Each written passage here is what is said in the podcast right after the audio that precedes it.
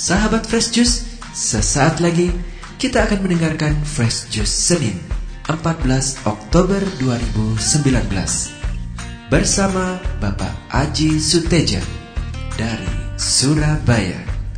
Selamat mendengarkan.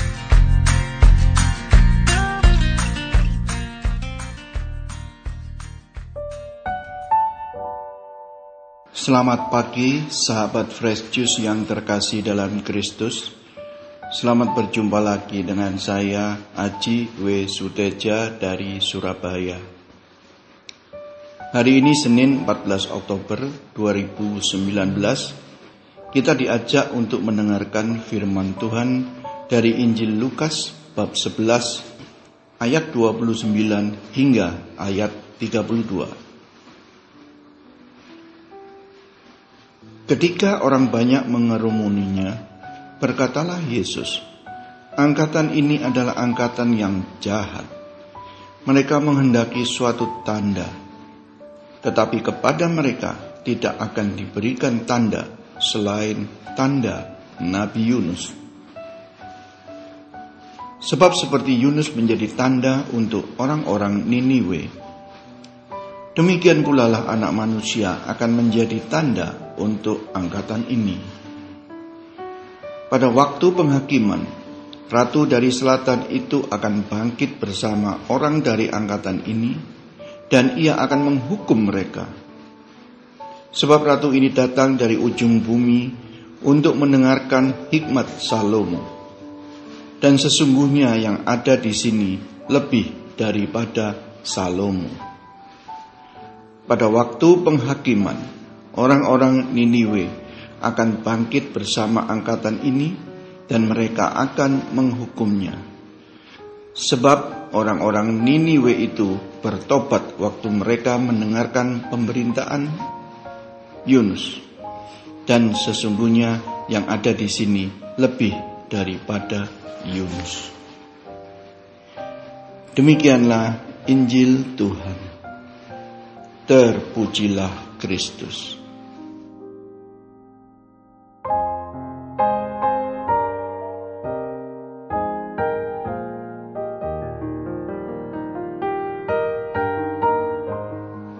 Sahabat Fresh yang terkasih dalam Kristus, Tuhan mengutus Nabi Yunus untuk memperingatkan orang-orang Niniwe dan menyerukan pertobatan, yang mana orang-orang Niniwe akhirnya mau bertobat.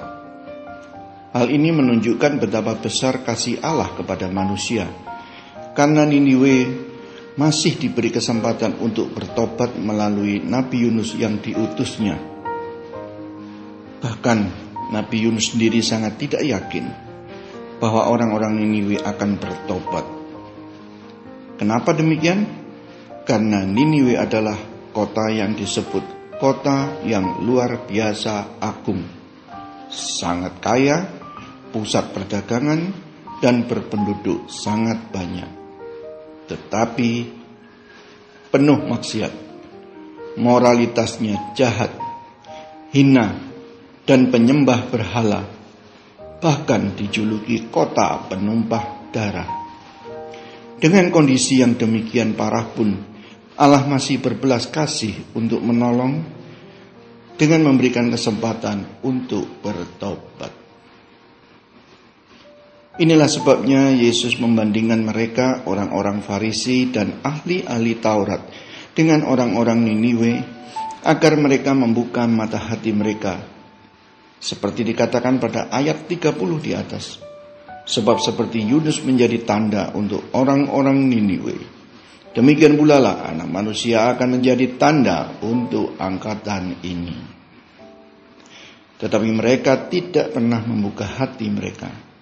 Dan tetap menuntut tanda-tanda dan mujizat. Sehingga Yesus mengatakan seperti pada ayat 29 di atas.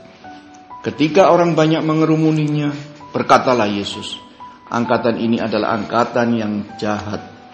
Mereka menghendaki suatu tanda, tetapi kepada mereka tidak akan diberikan tanda selain tanda Nabi Yunus. Mereka orang-orang Farisi dan ahli-ahli Taurat telah terjangkiti rasa iri hati dan kesombongan diri yang membuat mereka merasa lebih dari sesamanya. Sehingga hal ini membuat mereka tidak mau mengakui, percaya, apalagi berserah kepada Tuhan. Sehingga apa pun mujizat yang ditunjukkan oleh Yesus, mereka tidak akan pernah mau menerima dan membuka hati, apalagi menyadari kesalahan dan bertobat. Sahabat Fresh Juice yang terkasih dalam Kristus, Injil hari ini mengajak kita untuk merenungkan kisah Nabi Yunus.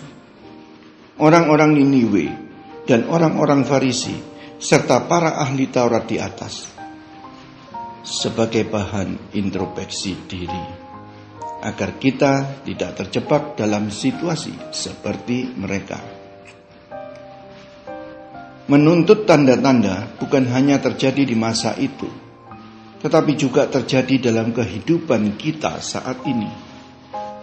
Memang tidak sevulgar apa yang dituntutkan oleh orang-orang Farisi, tetapi sering kali kita begitu antusias dan mengharap atau bisa dikatakan menuntut dalam tanda petik terjadinya mujizat serta keajaiban atas persoalan-persoalan hidup kita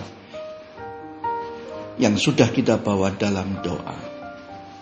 Begitu fokus dan antusiasnya mengharap mujizat atau tanda-tanda itu, sehingga kita sering kali dibutakan dari begitu banyaknya berkat lain dari Tuhan yang tidak kalah pentingnya bagi kebutuhan hidup kita. Kita benar-benar hanya fokus dan menuntut apa yang kita inginkan. Padahal Tuhan telah memberikan apa yang sebenarnya kita butuhkan saat ini mengenai belum terwujudnya apa yang kita tuntut, Tuhanlah yang lebih tahu kapan waktu terbaik untuk memberikannya. Tuhan lebih tahu apa yang harus kita benahi dalam diri dan hidup kita agar layak menerima apa yang kita minta. Untuk itu kita harus percaya, berserah, dan tidak hanya menuntut.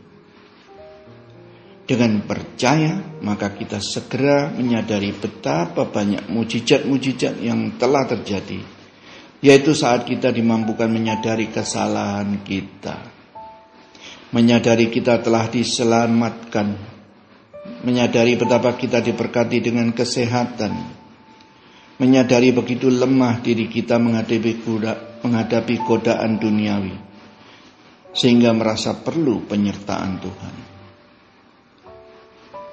Semua kesadaran-kesadaran ini adalah mujizat yang sering terabaikan karena kita hanya fokus pada tuntutan kita. Dengan demikian kita semakin jauh dari rasa syukur yang menandakan kita kurang percaya.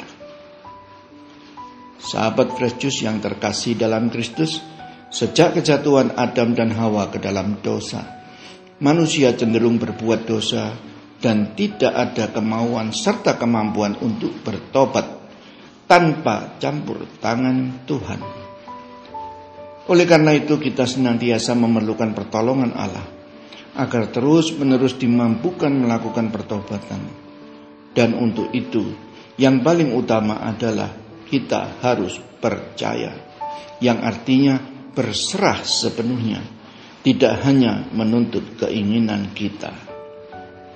Semoga Tuhan senantiasa menyertai kita semua dalam nama Bapa dan Putra dan Roh Kudus. Amin. Sahabat Fresh Juice, kita baru saja mendengarkan Fresh Juice Senin 14 Oktober 2019. Segenap tim Fresh Juice mengucapkan terima kasih kepada Bapak Aji Suteja untuk renungannya pada hari ini. Sampai berjumpa kembali dalam Fresh Juice edisi selanjutnya. Tetaplah mengucap syukur dan salam Fresh Juice.